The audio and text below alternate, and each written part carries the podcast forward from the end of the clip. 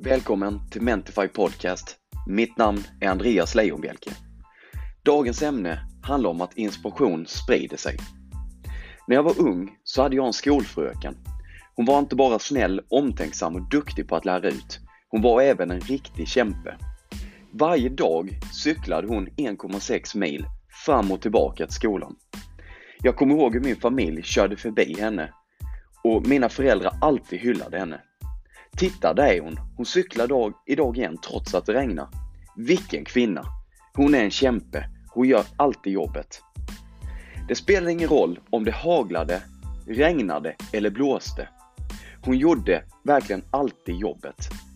När jag nu, 20 år senare, cyklar samma väg varje dag som min gamla fröken, så tänker jag på henne. Hon kämpade för att ta sig till arbetet och inspirerade mig genom sin handling. Det fick mig att inse kraften i våra handlingar. När vi gör vårt bästa och kämpar, då sprider sig inspiration likt ringar på vattnet.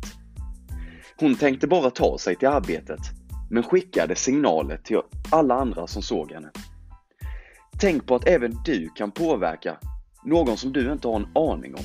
Enbart genom att göra ditt bästa så visar du vägen. Jag ser den här järnkvinnan cykla runt än idag och jag blir lika inspirerad varje gång. Tack för allt Marie! Tack för att ni lyssnar. Ta hand om dig och ta hand om andra.